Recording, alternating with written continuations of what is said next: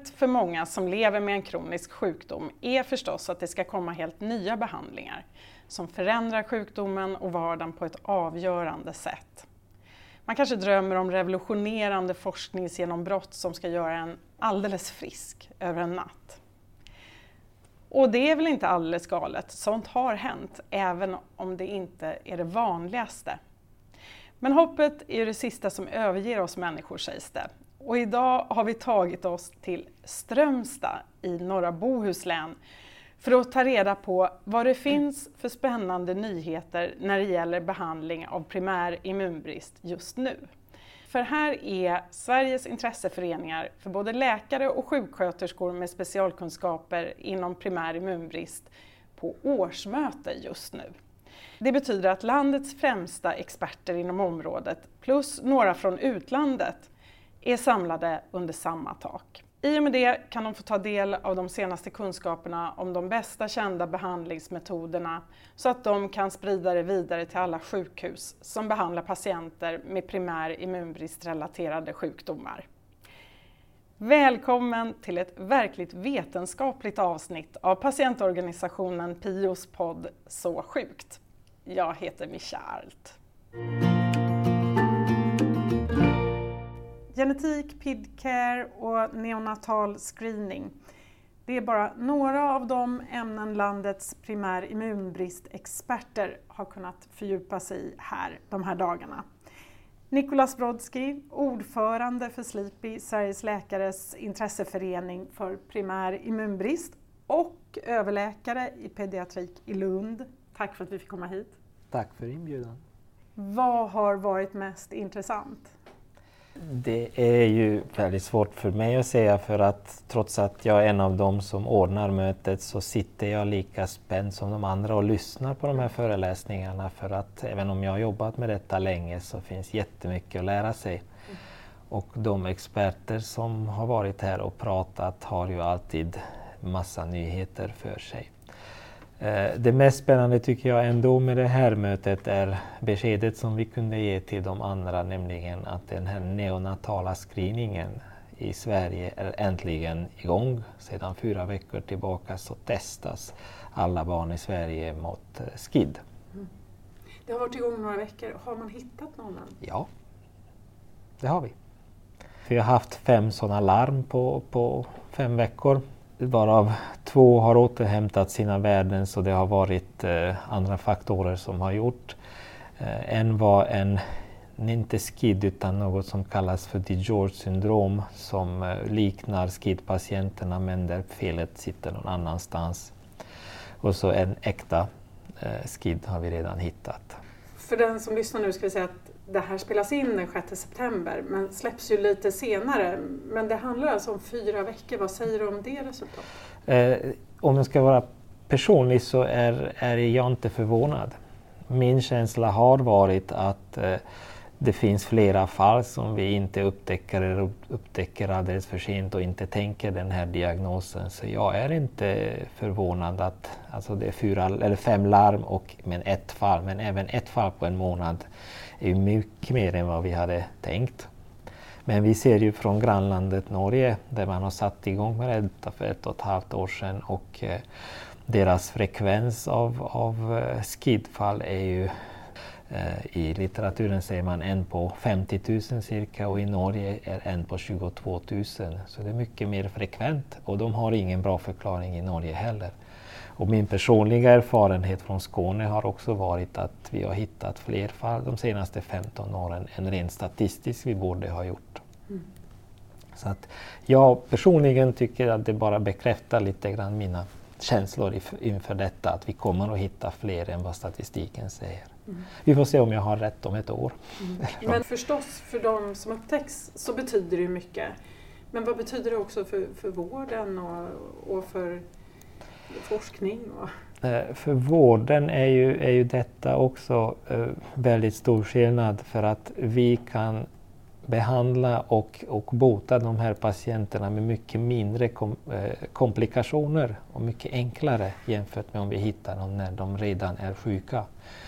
Och risken finns ju att när de är så sjuka som de här patienterna kan bli att man inte hinner göra någonting det, det är en, en, väldigt, väldigt svår sjukdom som leder till, eh, oftast kan man säga, till döden innan ett, ett och ett halvt års åldern. Samtidigt så finns det eh, goda möjligheter att bota dem. Över 96 procent idag blir helt botade och blir helt normala i sitt immunförsvar. Så det är ett väldigt stort eh, potential att göra dem friska, men vi måste hitta dem.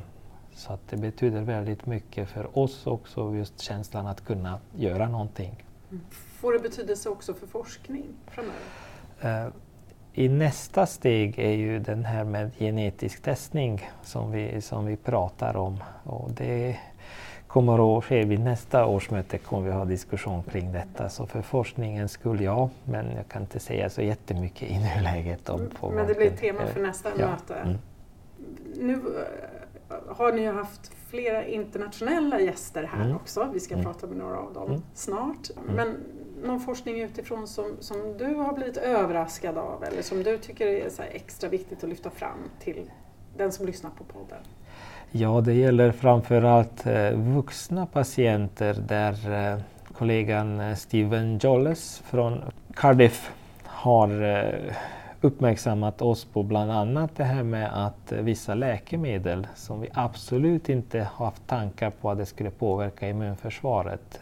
Eh, väldigt, väldigt mycket använt epilepsiläkemedel leder till att de blir lika dåliga i sitt immunförsvar som, som eh, patienter som får biologiska läkemedel.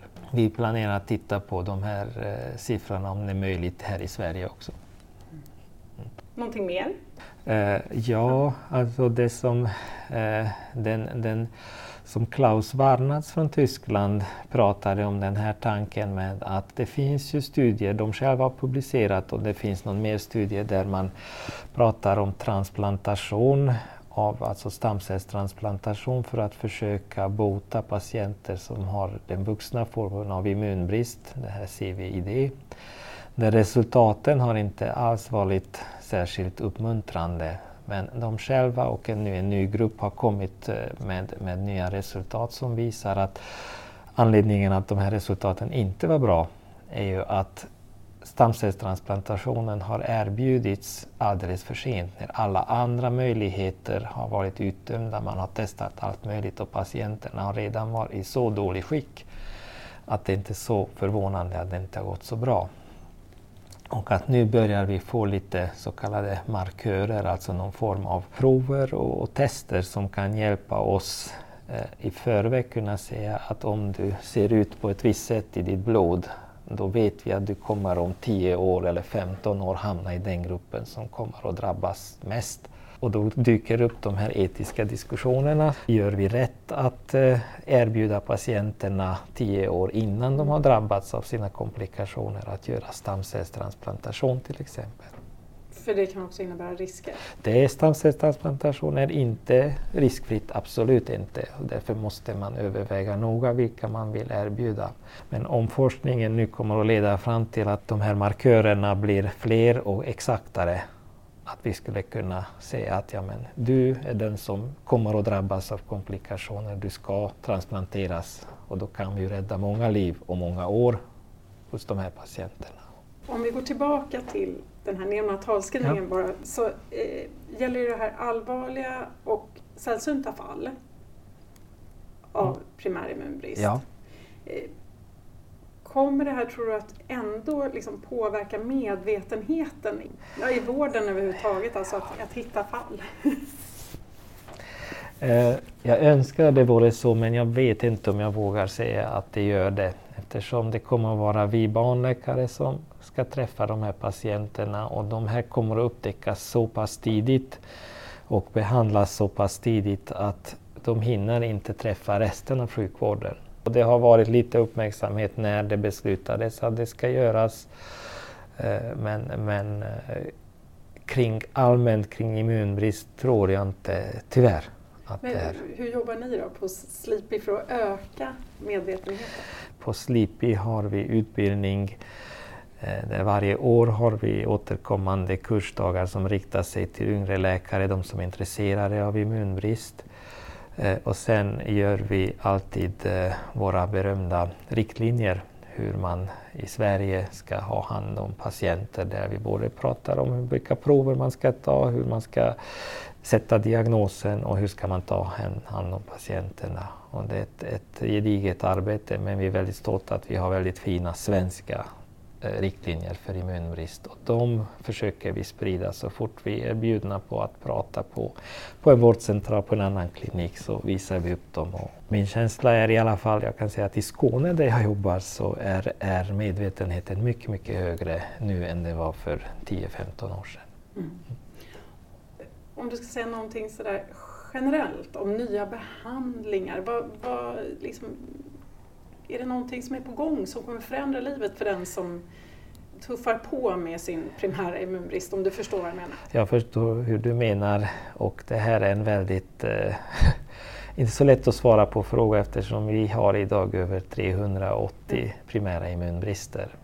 Och, eh, många av dem är ju väldigt, väldigt sällsynta så det är svårt att forska på. Men det kommer eh, till exempel patienter som har eh, hereditärt angioödem, det här svullnader som kommer och går. Där har det bara exploderat på eh, fronten av behandlingar. Mm. Eh, och sen har vi också de här eh, så kallade monoklonala antikropparna. De här antikropparna som tillverkas specifikt med ett litet mål mm. som påverkar en viss typ av celler, en viss typ av receptor. Och den typen av behandling kommer mer och mer. Så att, mer riktad? Mer riktad. Så istället ja. för att vi ska slå ut hela systemet så slår vi ut bara den lilla delen som orsakar skadan. Eller som är, är och vad innebär det? Att biverkningar minskar, ja. att det blir lättare att få sin behandling helt, helt enkelt? Ja, ja. Det och blir... där säger du att det, det, är verkligen på gång? Ja, det är på Pratar vi inom 5-10 år? Nu? 10 år kommer vara väldigt utspritt. Det finns redan nu på, på forskningsbasis och det finns eh, studier som pågår. Mm. Eh, men eh, inom fem år i, på spjutspetsklinikerna skulle jag säga och om tio år på de flesta av klinikerna. Mm. Det låter väldigt hoppfullt. Mm. Det är vi. Vi är väldigt hoppfulla. Och det är en, en stor forskning som pågår just i de här Eh, det, det, det, är vårt nya, ska man säga, penicillin. Att det, det som eh, först var det bara en sort och sen har vi en uppsjö av olika antibiotika. Det är samma sak, i början var det bara enstaka antikroppar och nu mm. finns det, börjar finnas mot allt. Och därför forskningen är viktig att förstå mekanismerna för då kan vi också rikta den här individualiserade antikropparna för att ta hand om, om problemet. Mm. Så att förebyggande medicin individualiserat. Så att man kan skilja, man ser inte bara att det finns antikroppsbrister utan ja, du har antikroppsbrist, men du har, en av er har större risk att drabbas och den personen skulle vi kunna hitta. Det är där det tror jag den stora förändringen kommer att bli. Att det inte alla kommer att vara samma hatt i samma... Ja. Mm. Tack så hemskt mycket. Ja, tack så mycket. En av programpunkterna på årets möte har rubriken 10 viktigaste vetenskapliga publikationerna sedan föregående Sleepy-möte. Och det var din programpunkt, Jenny Lingman framme. Just det. Just det. Eh, barnläkare i Göteborg och Halmstad också. Stämmer. Berätta. Nej, men, ehm, det är ett urval av artiklar som jag försöker sammanfatta. Sådant som jag tror eh, har varit eh, viktigt eh, för de som arbetar i kliniken, de som träffar patienter på sjukhuset. Men också forskning som kan få betydelse lite längre fram, som än så länge kanske är lite mer experimentellt. Till exempel behandlingsmetoder som kanske kan bli viktiga längre fram. Och mötesdeltagarna är läkare och sjuksköterskor som träffar patienter.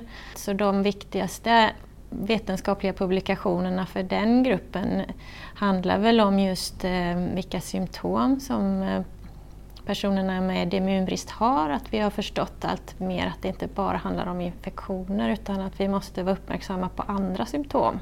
Mm. Till exempel då med autoimmuna fenomen och även inflammation. Och att just de patienterna ska vi ta extra väl hand om därför att det kan eh, liksom påverka deras prognos på sikt. Så att vi alla hjälps åt att uppmärksamma de patienterna. Och det är kunskaper som vi behöver ta med oss och sprida till våra kollegor på klinikerna hemma. Mm.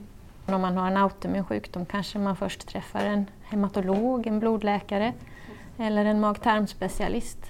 Och då tycker jag det är lite vår uppgift att sprida kunskaper om immunbristsjukdomarna även till de kollegorna. Nu har ju du verkligen fördjupat det här i vad som har hänt sedan förra året. Mm. Skulle du säga att det händer mycket inom det här forskningsområdet? Ja, det gör det. Och det, det har ju kommit 3000 publikationer sedan förra mötet. Så mina, mitt lilla, lilla sammanfattning där var ju bara en liten del utav allt som pågår. Mm. Så det händer jättemycket. Vad, ser du något område där här kommer, här kommer den största förändringen att ske? Några av studierna som jag tog upp handlar om stamcellstransplantation för vuxna. Metoderna har blivit bättre och säkrare. Sen har vi pratat mycket om hur man kan eh, styra immunförsvaret och kanske skruva ner delar som blir överaktiva eh, för att kanske förhindra de autoimmuna eh, sjukdomssymptomen. Men det är också så att när vi lär oss mer om sjukdomarnas bakgrund, alltså vad som ligger bakom sjukdomen på cellnivå, så kan man ta fram mera riktade behandlingar. Mm. Hittills har det ju ofta handlat om att ge immunglobulin ersätta det som saknas. Men om man kan förstå var felet sitter på cellnivå så kan man rikta sin behandling bättre. Så det är ju helt klart något som kommer utvecklas mer i framtiden mm. också. Mm. Och det kan göra behandlingen både mer effektiv och lindra Absolut, då blir det inte mm, biverkningar heller på samma sätt för då når man precis felet där det sitter. Så det kommer mer och mer. Vilken av de här publikationerna kommer patienterna att få nytta av eh, först och bäst, tror du? Jag tänker kanske främst då på över, översiktsartikel från det franska immunbristregistret där man har studerat 2000 patienter som har immunbristsjukdom och där man har sett att en fjärdedel hade samtidigt autoimmun sjukdom. Mm. Och man har sett att detta påverkar deras prognos på lång sikt. Ehm, det är jätteviktiga kunskaper för oss just så att vi kan ehm, hitta de patienterna tidigt och ta hand om dem lite extra väl för att förhoppningsvis ge dem en bättre prognos på sikt. Då. Bättre behandling helt enkelt? Bättre behandling, precis. Mm. Nu är ju eh, det här ett forskningsområde som berör väldigt ovanliga diagnoser till eh, sådana områden kan det vara ibland svårt att få forskningsmedel. Gäller det den här gruppen också? Jag tror man kan se det i ett lite större perspektiv, att vi genom de här sjukdomarna kan lära sig mycket viktigt om immunförsvaret och lära oss om folksjukdomar mm. som ju till exempel autoimmuna sjukdomar och cancer är. Så att det kan komma en större befolkning till nytta om vi forskar kring de här sjukdomarna. Så jag, jag tror att som forskare kan man komma runt det när man ansöker om forskningsmedel och så. Jag vet inte om det är ett stort problem. Det pågår mycket fin forskning inom fältet. Vi började det här programmet med att säga att många som har en sjukdom har ju såklart ett hopp om att någon gång ska den kunna gå och bota helt och hållet. Mm. Hur långt fram i tiden ligger det? Ja, men det är ju redan möjligt för några immunbristsjukdomar idag och då handlar det ju om genterapi, kanske i första hand. Men för det stora flertal? Hur nära i tiden det ligger, svår fråga. Förutsättningen är att man måste veta vad, exakt vad det är för sjukdom då. Man måste veta var felet sitter för att kunna laga i generna. Men där finns ju metoderna, om man väl vet så finns ju snart de metoderna där. Mm. Du måste ju ha gått massa föreläsningar här nu också. Vad, mm. vad tar du med dig härifrån? Mm. Kanske det allra viktigaste är att vi har ett forum med de här mötena där vi träffas och där vi liksom bygger våra nätverk och, och relationer också för att det är just ganska ovanliga patienter och vi måste liksom hjälpas åt. Så vet man att den personen i Stockholm kan mer om detta, då vänder jag mig ju till den som kan mest om jag har en liknande patient. Så att det är jätteviktigt mm. att vi får få träffas och förebygga våra nätverk. Det kanske är det allra viktigaste. Tack ja, Jenny! Men tack för att jag fick vara med. En av de internationella gäster som har bjudits in hit är Stephen Joles, immunolog vid University Hospital of Wales och ett av de stora namnen inom immunbristforskning. Han berättade om en screening för vuxna som har inneburit att man hittat många tidigare odiagnostiserade primär immunbristfall. So, one of the things I think that uh, has been changing how we work in Wales is the screening program for immune deficiency, where we are using a very um, commonly used blood test, which is used in primary care and secondary care, which is a liver function test. And from that, we have a value called calculated globulin, which is a snapshot of antibody levels. And we've defined the lower limit, which means we can now introduce an electronic alert into every result across the whole of Wales for the 2 million liver function tests done every year, even where there is no immunologist, to find people who have low. And then the electronic comment that pops up says, low calculated globulin, is there a history of infections?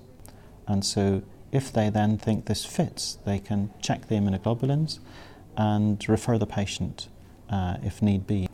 And uh, that would now be, I think, our main reason for referral into our adult antibody deficiency clinic is the screening program. And so we have, well, we have more patients, and they are being picked up earlier, hopefully before there are maybe some of the problems that are preventable, and so that we can then tailor the interventions and the treatments. And so we have a growing uh, patient number partly because of the screening. Our hope is that the test finds patients before they have had year after year of infection after infection after going to their GP, going to hospital, GP, hospital, antibiotic, antibiotic, because PID is very rare. So in primary care, it's many, many more common diseases.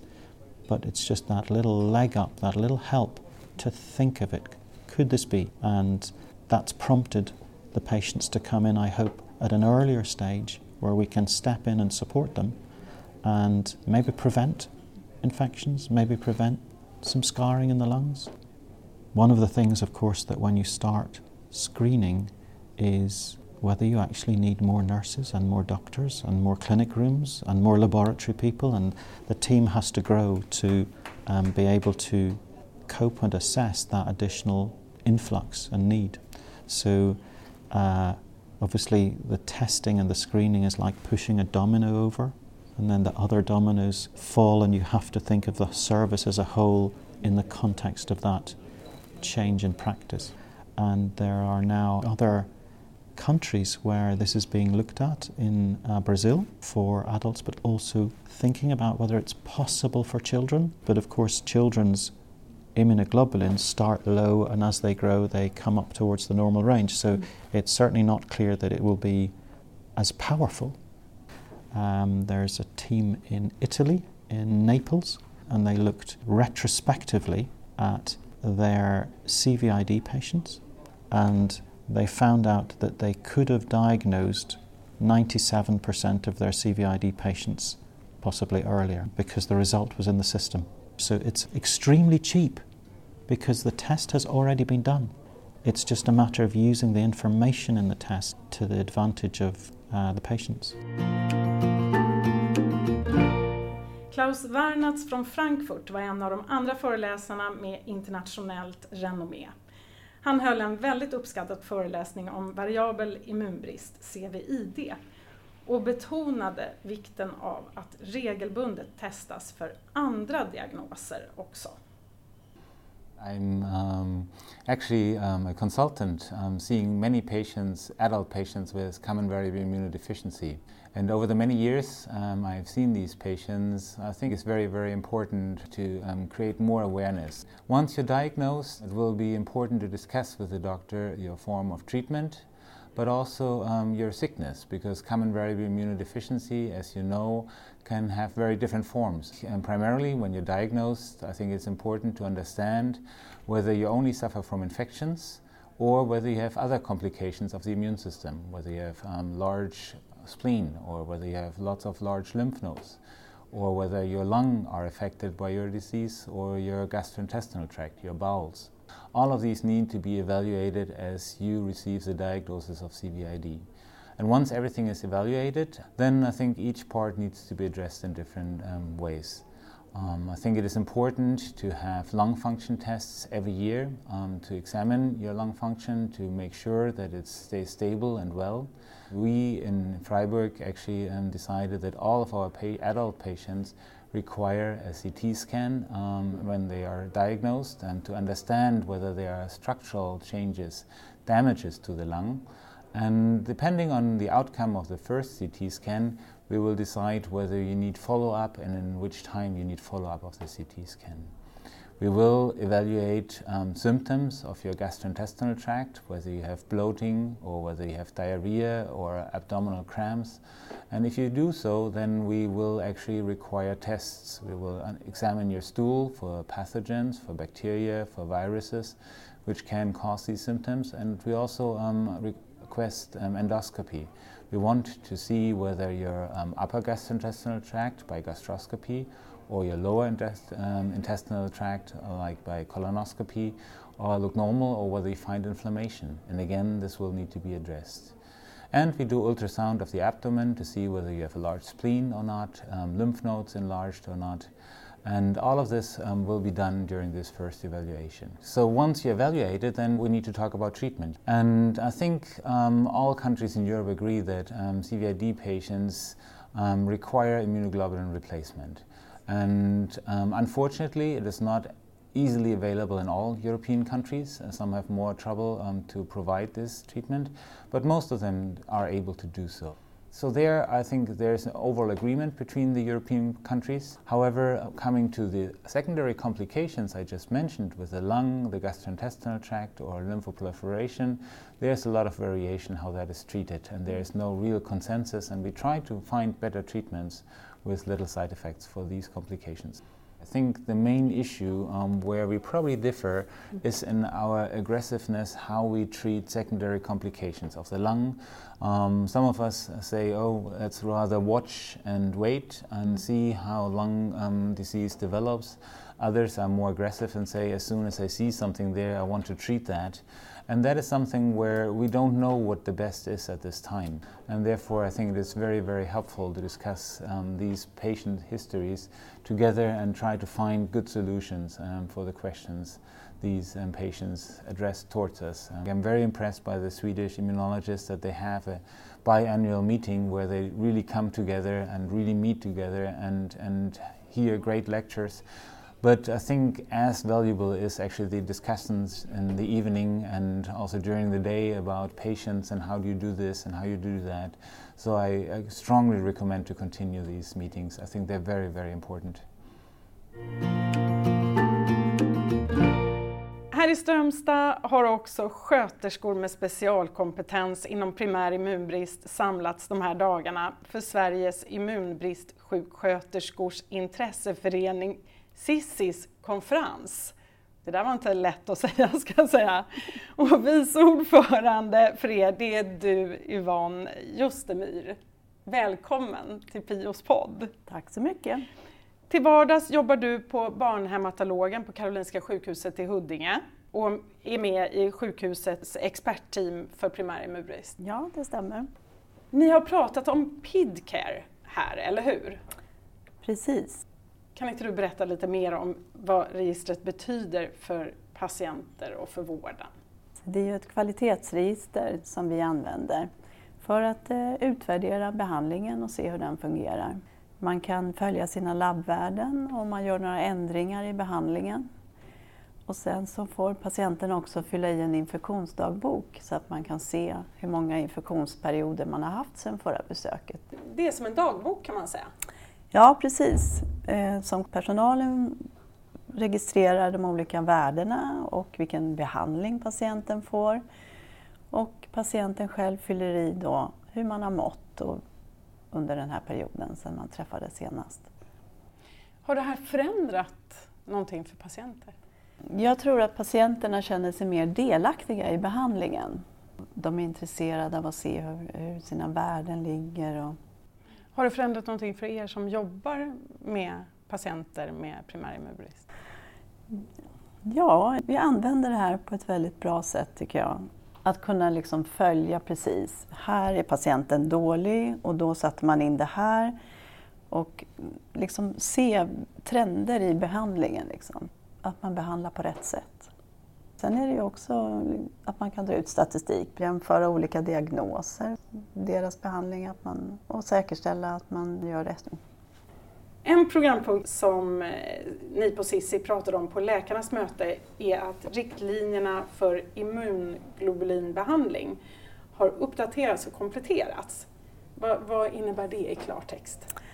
Alltså det finns ju riktlinjer, läkarna har ju riktlinjer för olika diagnoser mm där man gör då, beskriver att vid den här diagnosen så är det de här proverna man tar för att, säker, för att liksom ställa diagnos. Medan vi har mera våra riktlinjer går mera ut på ja, att berätta så här ska man mm, tänka när man utbildar barn eller mm, ja, man ska börja med faciliterad subkutanbehandling. Då gör man på det här sättet. Mm. Om vi beskriver de olika nålar som finns och när, hur lång den ska vara. Ja, mm. Olika praktiska saker, ganska mm. mycket också. Mm. Och hur de olika behandlingsmetoderna går till. Det finns ju både intravenös behandling, vanlig subkutan behandling och den här nyaste då på marknaden, faciliterad mm. behandling. Man kan använda den som ett uppslagsverk om det är något specifikt som man eh, vill ta reda på, som man behöver veta. Och eh, vilket material vi rekommenderar. Och det är också hänvisningar till olika kliniker om man behöver ringa och diskutera med någon. Det är ett sätt att säkerställa vårt arbete så att alla patienter får samma vård oavsett var i Sverige man bor. Och det är väldigt viktigt för oss. Så man kan säga att både PIDCare och de här uppdaterade riktlinjerna, det är helt enkelt för att det ska bli säkrare för patienten och också mer likvärdig vård i landet? Ja, absolut. Nu är ni här. Mm. Vad betyder det att ses så här? Jag tycker det betyder mycket. Dels är det ju en form av lärande. Vi har ju många intressanta föreläsare som kommer till det här mötet. Och man får ta del av nya projekt som är på gång. Vi har pratat om aktuell omvårdnadsforskning. Och sen är det ju också ett sätt att eh, utbyta erfarenheter med varandra, lära av varandra. Hur gör du när det här krånglar? Lite tips och tricks. Vi träffar ju också patientföreningen och hör vad de tycker. Och eh, de som gör våra material som vi använder är ju här, ställer ut sina saker, kommer med ny pump och berättar hur den fungerar eller nya nålar som man kan ta med sig hem till sin klinik och börja använda. Mm. Så senaste nytt på, inom material och så visas ju här. Eh, är det, vad, vad, är annars det, det, det, du tar med dig? Jag tycker att det, det, här har varit ett väldigt bra möte. Mm ja, lite nya projekt som jag tycker verkar spännande som jag tror kan vara bli bra för våra patienter. Sjuksköterskeledd eh, mottagningsbesök har Mona och Karina pratat om.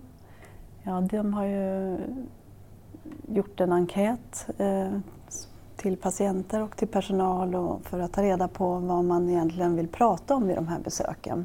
Vad de tycker är viktigast. Mm. Och sen så har de ju gjort en strukturerad gång där man då träffar sin sjuksköterska, där man kanske har lite mer tid, man kanske ställer en viss typ av frågor till sin sjuksköterska som man kanske inte tar upp med sin doktor. Att, att man kan få lite mer utrymme som patient. Och, mm. Mm. Ett besök som anpassas mer efter patientens önskemål. önskemål precis. Ja, precis. Mm. Och det ska börja införas nu på vissa håll? Ja, det är väl ett pilotprojekt som är på gång nu som de ska prova i sin region och sen så hoppas vi att vi kan få göra det i fler delar av landet. Tyckte du att det verkar bra? För, jag tyckte det verkar jättespännande. För Karolinska? Ja, jag skulle, sa det. Jag vill gärna vara med i det. Tack Yvonne Tack för att jag fick komma. Det är fredag eftermiddag här i Strömstad och nu börjar medlemmarna i Sissi och Sleepy åka hem efter tre dagars intensivt kunskapsutbyte. Men innan alla försvann så passade jag också på att fråga ett par av dem vad de tar med sig härifrån hem till sina patienter. Just det här att man får tänka att CVD-patienter är en sån komplex grupp. Att det finns så mycket variation i de diagnoserna att vi bemöter dem i de olika problematiker som finns. Det får jag med mig. Och att sekundär immunbristgruppen växer och den problematiken också, att vi också kan adressera det på rätt sätt. Jag heter Karina Hagstedt och är sjuksköterska på vuxenklinik på infektionsmottagningen i Jönköping. Nu är ju den här podden också för patienter såklart. Mm. Mm. Hur kommer dina patienter att märka tror du att du har varit här? Ja, jag kommer kanske ställa lite andra frågor till mina CVD-patienter framöver och inte bara rikta mig på eh, immunglobulin-dosen eh, utan tänka lite mer brett. Sen är jag med i en projekt där man planerar att göra en strukturerad sjuksköterskebesök för immunbristpatienter. Och det kommer de att märka för nu är vi i startgroparna och det har jag också presenterat i den här mötet. Då. Mm. Hur kommer man att märka det? De kommer att bli kallade till sjuksköterskebesök och det har vi ingen rutin i Jönköping där jag jobbar. Vi kommer att försöka lyssna på vad patienten vill ta upp för frågor och vad är det som bekymrar dem och stötta dem efter behov. Då. Så det är ju nytt för oss i alla fall. Mm. Eh, jag heter Børre Fevang, jag är överläkare på Rikshospitalet i Oslo. Jag jobbar med eh, vuxna patienter med primär immunsvikt. Vi er nå prøver å få igång ett, et eh, nordisk forskningssamarbete. Eh, og det hade inte skett utan dessa möten här. Vad, har du lärt dig någonting här nu, de här dagarna? Ja, kanske det eh, viktigaste är väl det at i denne store gruppen med eh, disse CVID-pasientene våre, så er det noen pasienter som, som vi uh, skal være ekstra bekymret for. Uh, og det å identifisere dem og målrette vår innsats både i diagnostikk og behandling av disse pasientene, at det, en, det, er, det, må, være en prioritert oppgave. Og jeg tror veldig mange av oss sitter med akkurat samme, samme følelsen. vi har noen pasienter som du, du, har på en måte, du, du, ser, Det er som å sitte på et sånt tog som løper løpsk. og Du, du skjønner at dette, dette, kommer ikke til å gå bra, men så har man ikke Har vi manglet øh, øh, Vi har vel ikke vært flinke nok, og vi har kanskje ikke hatt øh, de ressursene vi trenger for å, Eh, for å, få disse, for å bremse dette toget. Eh, men eh, men det må vi kunne få til, og det tror jeg sånne møter som dette, og det at vi snakker sammen og diskuterer dette, det, det vil hjelpe oss å, å, hjelpe akkurat de pasientene. For de, veldig mange eh, pasienter med immunsvikt de, har det jo bra. De får sin behandling og, og arbeider og, og i, lever livet som det skal leves, og så har vi disse få. Så, og, og det å, å, å, fange opp dem og gi dem en ekstra god behandling, det, eh, det er en prioritert oppgave. altså. Hej, jag heter Ann Gardulf. Eh, jag är sjuksköterska. Jag är också forskare och är docent på Karolinska institutet.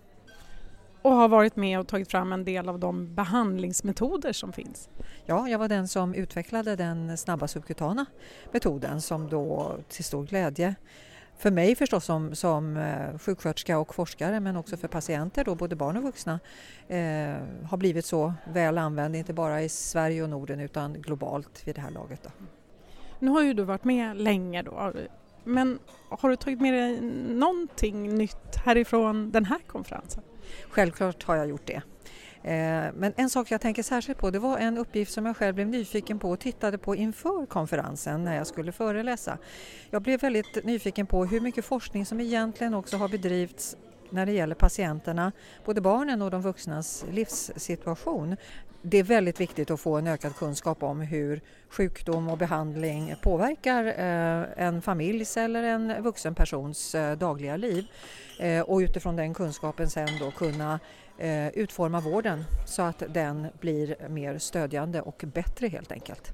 Och där har jag gjort då en undersökning från 1993 fram till och med då 2019 eh, och det är inte så där väldigt mycket stora studier kring det. Jag hittade 51 studier. Eh, men de som finns har ändå väldigt... Eh, Sverige har en hög närvaro. Ungefär en tredjedel av de som är publicerade i vetenskapliga tidskrifter. Varför forskas det inte mer inom det området, tror du?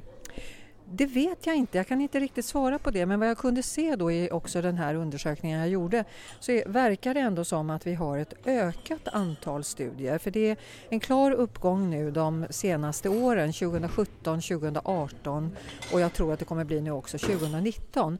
Så att vi får väl ändå hålla tummarna att det här nu eh, bryts och att vi får väldigt många eh, studier som kommer inom det här området. Eh, det jag skulle vilja se också mer av det är just vad sjuksköterskornas vård och behandling av patienterna, vad det får för effekter på patienternas livssituation. Den typ av studier tycker jag saknas helt just nu. Vi har ju hört tidigare om sjuksköterskebesök till exempel. Det, går det lite i din linje? Det tycker jag går väldigt mycket hand i hand för jag tror väldigt mycket på att eh, vissa av besöken ska vara till sjuksköterskor. Eh, både för då uppföljning och undersökning men också då för stödjande samtal, undervisning, inte minst uppföljning av behandlingen, att den fungerar som den ska och har den effekt den har och att inte några problem har uppstått. Så visst, de här studierna går verkligen hand i hand. Snart är det dags för mig också att lämna Strömstad, men innan dess är det förstås dags för vår egen husläkare Anders Fast att svara på en lyssnarfråga. Anders svarar och förklarar.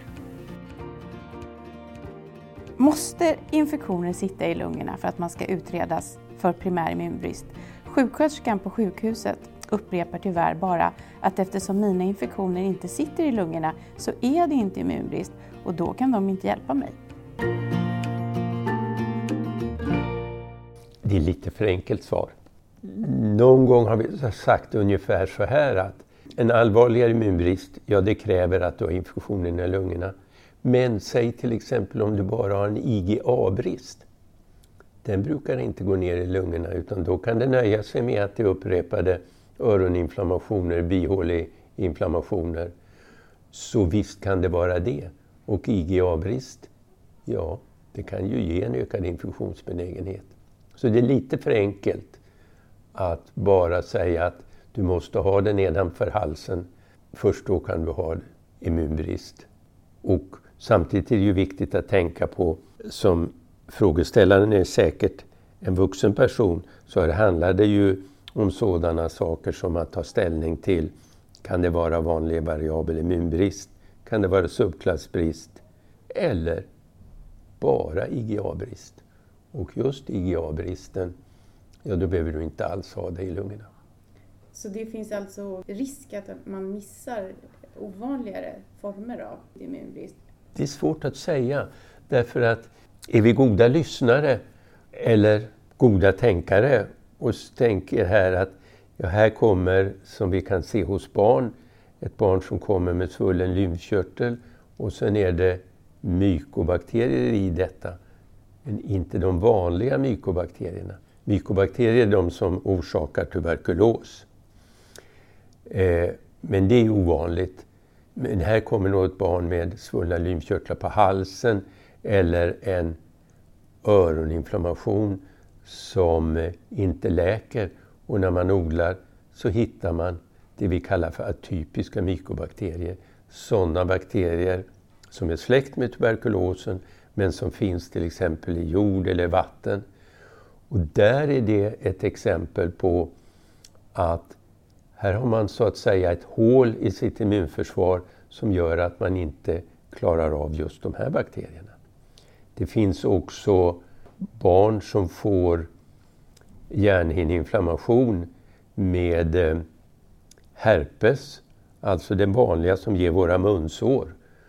Och de får det och de får, även om de får det bara en gång, några barn får det fler gånger, men där har vi funnit att det i ungefär 40 procent för de barnen som tidigt får en herpes encefalit, en herpeshjärninflammation, så ligger det bakom en immunbrist som gör att det är bara herpes som de inte klarar av.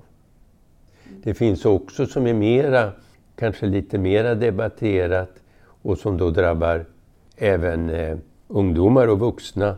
Det är att man skulle ha ett hål i sitt repertoar så att man inte klarar av till exempel de där kapslade bakterierna. De som kunde ge en, en IgG2 subklassperist. Men de har helt normalt IgG2 men letar man efter pneumokockantikroppar eller hemoflusantikroppar trots att vi vet att de har haft upprepade infektioner med de här bakterierna så hittar man inga. Och det finns de alltså där som tydligen inte kan producera de här specifika antikropparna. Tack Anders och tack och hej från Strömstad. Om du gillar Så sjukt så sprid gärna information om podden och att den finns, inte bara till andra med primär immunbrist. Kanske finns det också människor i din omgivning som skulle behöva veta mer om vad livet med primär immunbrist innebär. Podden görs av patientorganisationen PIO med stöd av CSL Bering. Och jag som är programledare heter Mischa Arlt. Hej då!